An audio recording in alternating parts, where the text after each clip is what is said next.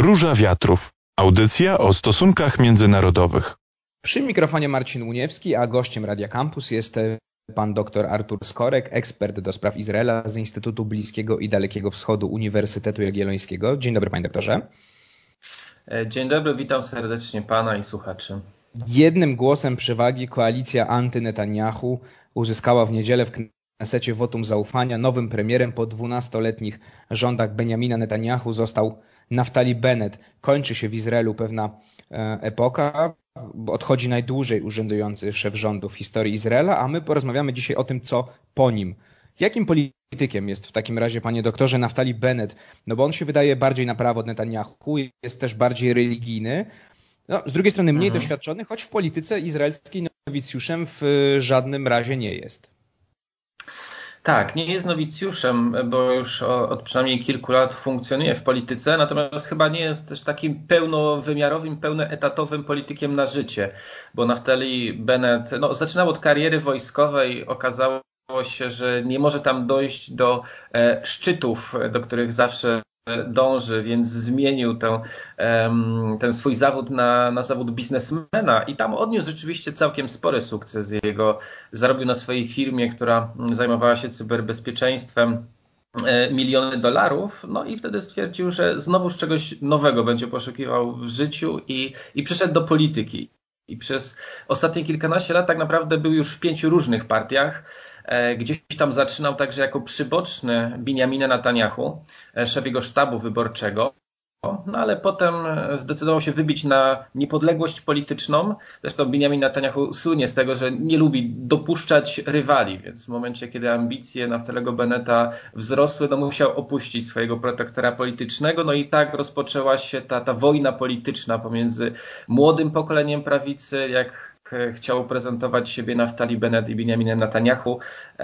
Dotychczas wszystkie potyczki wygrywał Netanyahu. Okazuje się, że pierwszy raz udało się e, Naftalemu Bennettowi mm, wygrać i utworzyć ten rząd, w który niewiele osób wierzyło początkowo, ale rzeczywiście tak jest. I z jednej strony Naftali Bennett jest nazywany politykiem prawicowym i trudno, y, wczytując się w jego wypowiedzi, no nie zauważyć, że rzeczywiście trochę bardziej na prawo od Benjamina Netanyahu mm, e, oscylowałyby jego poglądy.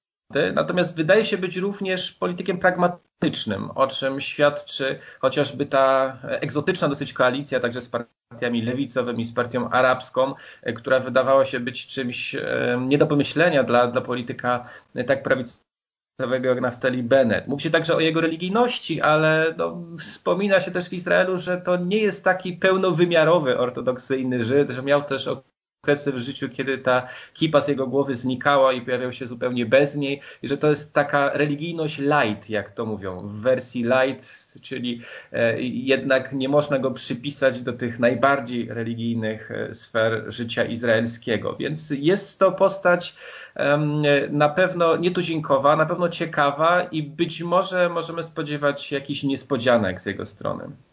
Bennett stoi na czele partii Jamina, która do Knesetu wprowadziła tylko siedmiu posłów. No wydawałoby się, że no, nie powinien być premierem, ale to właśnie od głosów Jaminy zależało, kto będzie w stanie utworzyć ten, ten rząd, tą koalicję w cudzysłowie anty-Netanyahu. Natomiast spoiwem tej koalicji y, był jednak Jair Lapid, lider partii Yesh Atid. E, będzie premierem za dwa lata, jeśli rząd dotrzyma, bo taka jest umowa e, koalicyjna, panowie mają się wymienić.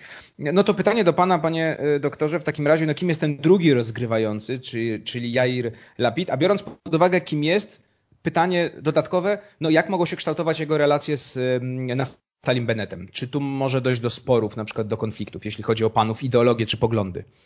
Mhm.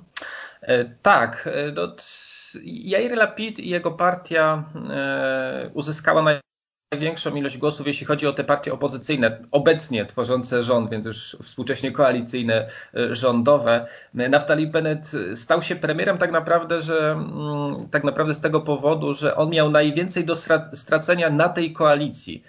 Więc najtrudniej było go do niej dokooptować, bo jego elektorat, większość elektoratu, która głosowała na Beneta jest przeciwna tej koalicji z lewicą i z, z Arabami. E, więc tak naprawdę bardzo ryzykuje Naftali Bennett. No i dlatego, żeby go doprosić do tej koalicji, musiał e, Lapid zgodzić się na to, że tym pierwszym premierem stanie się właśnie e, Bennett. No i na pewno są tutaj punkty mm, sporne pomiędzy nimi. I Lapid jest przedstawiany jako to centrum izraelskie. No i z pewnością Lapid jest liberałem, szczególnie jeśli chodzi o te sprawy ekonomiczne, światopoglądowe i wewnątrzizraelskie. E, jeśli chodzi o te kwestie, które, mm, e, dla których Bennett jest nazywany tym radykałem czy jastrzębiem, czyli te kwestie stosunku Izraela do e, terytoriów okupowanych, do, do Palestyńczyków, do państw arabskich, no to tutaj Jair Lapid na pewno jest bardziej umiarkowanym politykiem, ale rzekłbym, że to nie jest najważniejszy punkt programu jego partii. Te, te, sprawy związane z procesem pokojowym to jednak nie jest coś, co jest najistotniejszego dla Lapida. No i w tym sensie wydaje się, że te spory będzie można jakoś, spory pomiędzy Bennettem a Lapidem jakoś nimi zarządzać. To, to nie jest chyba największe napięcie pomiędzy tymi dwoma głównymi partiami koalicyjnymi. Zresztą Lapid w swoim pierwszym pierwszym wystąpieniu jako minister spraw zagranicznych już zapowiedział, że nie możemy mieć nadziei na szybkie rozwiązanie, szybkie i ostateczne rozwiązanie konfliktu izraelsko-palestyńskiego. Wydaje się, że te napięcia mogą rodzić się w większym stopniu no, na linii tych lewicowych partii. To o tym za chwilkę, panie doktorze, mhm. to o tym za chwilkę powiem, o tych kościach niezgody i o tym, co może łączyć te partie. To wszystko w drugiej części Róży Wiatrów. Marcin Uniewski cały czas przy, przy mikrofonie. Gościem Radia Campus jest doktor Artur Skorek, ekspert do spraw Izraela z Instytutu Bliskiego i Dalekiego Wschodu Uniwersytetu Jagiellońskiego. My rozmawiamy o historycznej zmianie, która dokonała się w Izraelu. Po 12 latach rządów Binyamin Netanyahu traci władzę. E, przejmuje ją koalicja złożona z ośmiu partii, nazywana koalicją anty-Netanyahu. Premierem najpierw będzie Naftali Bennett, jest już Naftali Bennett, a za dwa lata, jeśli to dotrwa ten, ten konstrukt, to Jair Lapid ma go zastąpić. E, tak jak powiedziałem, panie doktorze, koalicję tworzy osiem partii, często skrajnie różnych poglądach. Mamy lewicę, mamy radykalną prawicę, mamy wreszcie, tak jak pan powiedział, małą partię reprezentującą ludność arabską czy, czy, czy Palestyńczyków. E, no, sceptycy, sceptycy twierdzą, że z powodu tarć wewnętrznych ta koalicja nie dotrzyma, co tam mówić o tej zmianie za dwa lata premiera, nie dotrzyma może jeszcze końca tego roku. Bennett podkreśla, że rząd skupi się na tych kwestiach, które łączą poszczególne partie. Nie będziemy, będziemy omijali rafy. E, mm, więc pytanie do pana, co może łączyć tak różnych osiem partii? Poza odsunięciem od władzy Netanyahu to się już dokonało. Mhm. E, no tak, wydaje się mimo wszystko, że to jest czynnik e, dominujący. Znaczy odsunięcie, które się dokonało, ale wiadomo, że Benjamin Netanyahu szczerzy sobie zęby e, i chce wrócić, więc ten strach przed powrotem Netanyahu jest najsilniejszym spoiwem, jest tym lepiszczem, który prawdopodobnie będzie pozwalał, przynajmniej w krótkiej perspektywie, temu rządowi funkcjonować. To Pierwszą miną, na które może rząd wstąpić, jest oczywiście kwestia palestyńska, kwestia terytoriów y, okupowanych. E, znamy wypowiedzi y, Natalego Beneta, który twierdził, że trzeba jak najszybciej doprowadzić do aneksji, przynajmniej części zachodniego brzegu Jordanu. No nie można tutaj mówić o mm, e, za premierostwa Beneta o możliwości utworzenia państwa palestyńskiego. No a to są punkty, które są istotne właśnie dla takich partii jak Merec, no powiedziałbym w mniejszym stopniu, ale również dla, dla partii arabskiej, która jednak skupia się nie na tych Palestyńczykach z terytoriów okupowanych, tylko na Arabach e, izraelskich. E, wydaje się, że to, to może być rzeczywiście jeden z tych punktów, który nie będzie. Um, nie będzie tą, tą kością niezgody, bo, bo Naftali Bennett nawet stwierdził, że to, ten rząd jego to jest nowe otwarcie, to jest nowy Izrael, no bo po raz pierwszy umowę koalicyjną, rządową podpisuje partia stricte arabska, która nie jest tylko przybudówką jakiejś sionistycznej żydowskiej partii, tylko rzeczywiście jest autonomiczną, niezależną partią e, arabską. Więc to, to jest nowum i, i, tym bardziej jest to ciekawe, że jest to nowum, które wprowadza e, w życie polityk, który jest uznawany za radykała nacjonalistę e, żydowskiego.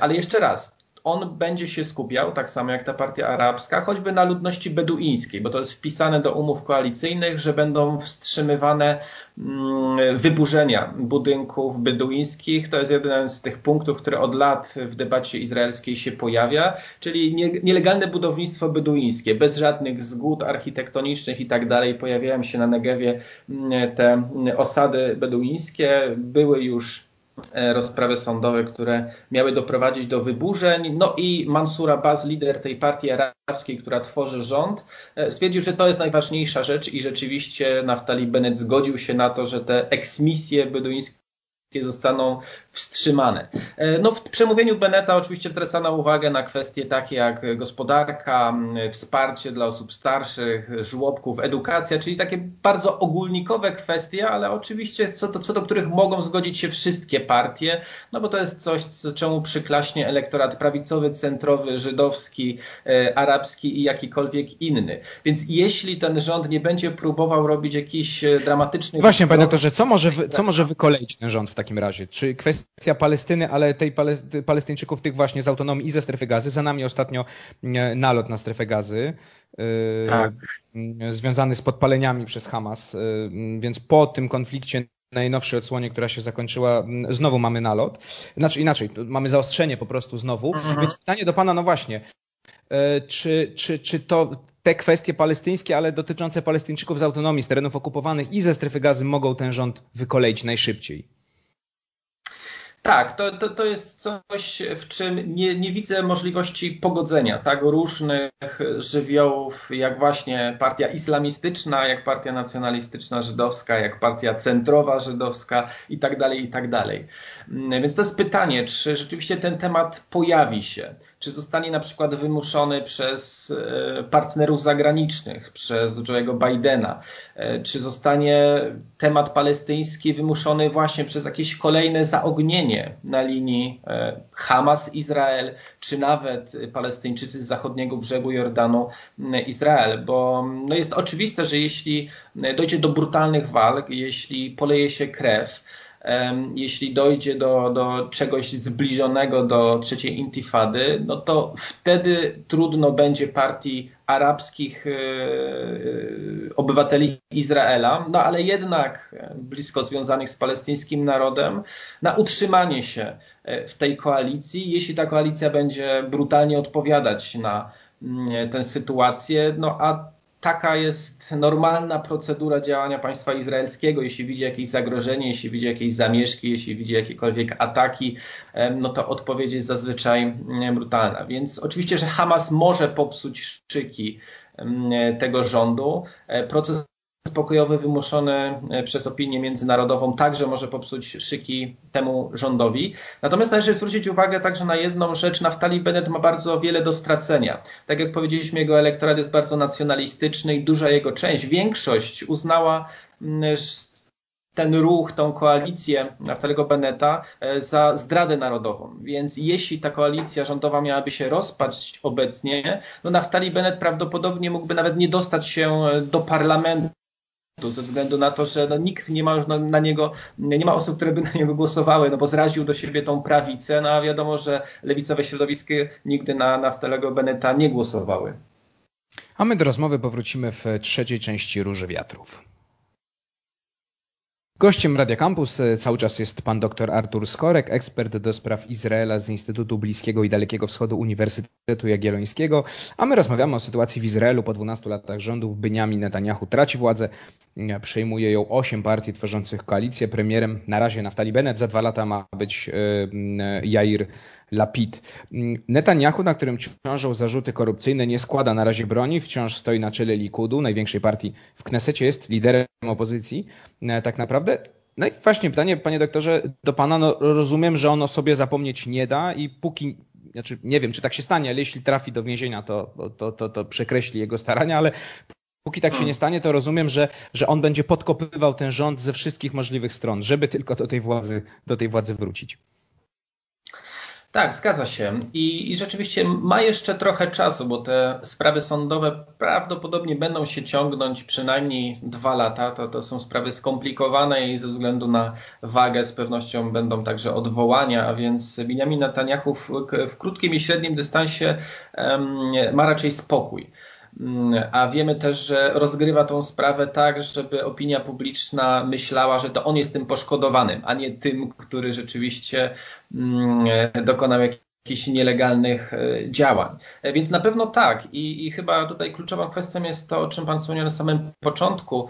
Mm, za tą koalicją rządową zagłosowało tylko 60 posłów. Jeden wstrzymał się od głosu i właśnie przez ten jeden wstrzymujący się głos ta koalicja rządowa w ogóle powstała. Izrael ma bardzo długą historię podkupywania różnych polityków, ma długą historię podziałów wewnątrz partii, łączenia się innych partii, transferów polityków z jednej do drugiej, więc wydaje się, że Benjamin Netanyahu dalej ma tutaj spory margines do różnych manewrów politycznych, które mogą sabotować ten rząd i ostatecznie doprowadzić e, do jego upadku. E, w samej Jaminie e, partii Naftalego Beneta no, był mocny ferment w momencie, kiedy Bennett zdecydował się na utworzenie tej koalicji. Ostatecznie posłowie Jaminy zagłosowali za, za tą koalicją, ale były znaki zapytania wobec niektórych z tych, z tych posłów. Tak samo w tej partii arabskiej. Ten jeden głos wstrzymujący się, to był właśnie głos wstrzymujący się posła e, partii arabskiej, która teoretycznie tworzy e, nowy rząd, no ale właśnie, ale też jest tam opór wewnętrzny. Ten opór wewnętrzny może zostać wykorzystany przez e, Binjamina Netanyahu przyszłości. Wiemy też, że część z posłów Likudu, którzy odłączyli się od tego Likudu i stworzyli nową partię, są teraz w nowym rządzie, oni także mogą stać się tym punktem, do którego, tymi drzwiami, pod które będzie pukał Benjamin Netanyahu. Więc sporo może się dziać tutaj na linii Netanyahu-nowy rząd. Panie doktorze, to jeszcze jedno pytanie o sprawy zagraniczne, o sprawy wewnętrzne. Mam to ostatnie, zaraz pana dopytam. Jak mogą się kształtować relacje e, Naftaliego Beneta i jego rządu złożonego z ośmiu partii, a E, Joe Bidena. No jak wiemy, Donalda Trumpa z Benjaminem Netanyahu łączyły bliskie relacje. Trump, co by nie mówić, faworyzował Izrael w konflikcie chociażby z Palestyńczykami. Przeniesienie chociażby ambasady do Jerozolimy. No Joe Biden chyba nie był wielkim zwolennikiem mm, Benjamina Netanyahu. Znaczy na pewno nie takie relacje e, łączyły go jak z Donalda Trumpa. A pytanie, jak może być w przypadku, no właśnie, Naftaliego Beneta i jego rządu? Więc ten rząd ma, ma czystą e, kartę w Waszyngtonie i dwie godziny po powołaniu nowego rządu e, Biden zadzwonił z gratulacjami dla Beneta, e, więc ten jego wizerunek Beneta jako radykalnego prawicowego polityka nie popsuł tych relacji, co potwierdziła także ostatnia odsłona konfliktu w strefie gazy, kiedy no, poparcie i Stanów Zjednoczonych e, wobec Izraela było pełne, tak jak zwykle. Oczywiście e, Stany Zjednoczone nawoływały do tego, żeby ostatecznie te walki zostały przerwane, ale przez cały czas podkreślał, że Izrael ma prawo e, do obrony. Więc w tym sensie te relacje układają się bardzo dobrze obecnie. Zresztą sprzyjać temu będzie także to, że ministrem spraw zagranicznych jest Jair Lapid, otwarty, progresywny polityk e, i bez tej, tej łatki radykała e, żydowskiego. Oczywiście tym, co może popsuć tą dobrą relację jest kwestia palestyńska. Jeśli Biden będzie mm, rzeczywiście chciał doprowadzić do e, wznowienia rozmów pokojowych pomiędzy Palestyńczykami i Izraelem i jeśli Mahmoud Abbas zgodzi się na to, no i wtedy będzie pytanie do Naftalego Beneta, co wybierze? Czy wierność swoim wcześniejszym wypowiedziom, że nigdy gdy nie zgodzi się na utworzenie państwa palestyńskiego i tak naprawdę będzie dążył do mm, aneksji części zachodniego brzegu Jordanu, czy jednak ważniejsze dla niego będzie to, jak e, ułożyć sobie relacje ze Stanami Zjednoczonymi i także utrzymać swoją koalicję rządową. Bo tak, tak jak powiedzieliśmy, ta kwestia może być tą miną, na której wysadzi się cały rząd. I ostatnie pytanie, panie doktorze, e, o sytuację wewnętrzną jeszcze po odsunięciu Netanyahu od władzy. Jego zwolennicy oczywiście odsądzają od czci i wiary Beneta i innych polityków tej koalicji. Przed domami nowych ministrów zorganizowano e, wiece, e, oczywiście protestacyjne przeciwko nim. Część izraelskich mediów pisze, że sytuacja w Izraelu bardzo powoli, ale zaczyna przypominać test przed zabójstwa Itzhaka Rabina w 1995 roku, jeśli chodzi o te napięcia. Pytanie do pana, czy to jest przesada, czy faktycznie ta polaryzacja jest e, większa teraz po odsunięciu Netanyahu, po tych oskarżeniach, które on rzucał, że to był spisek, no on się potem z tego wycofywał, ale, ale te napięcia gdzieś tam są, więc pytanie do pana, czy, czy faktycznie no, ta polaryzacja jest tak, tak duża, czy ona rośnie może w ten sposób? Ha, polaryzacja rośnie, polaryzacja jest rzeczywiście bardzo duża i te podziały są głębokie i na pewno widać pewne paralele z tej sytuacji sprzed morderstwa Ishaka Rabina, e, takie całkiem dosłowne. Miesiąc przed morderstwem Itzhaka Rabina był przeprowadzony rytuał kabalistyczny Pulsa Dinura, który miał zesłać anioła śmierci na e, ówczesnego premiera i teraz pojawiły się w Izraelu też postery e, nawołujące do tego, żeby ten rytuał przeprowadzić właśnie adresatem tego rytuału miałby być Naftali Bennett.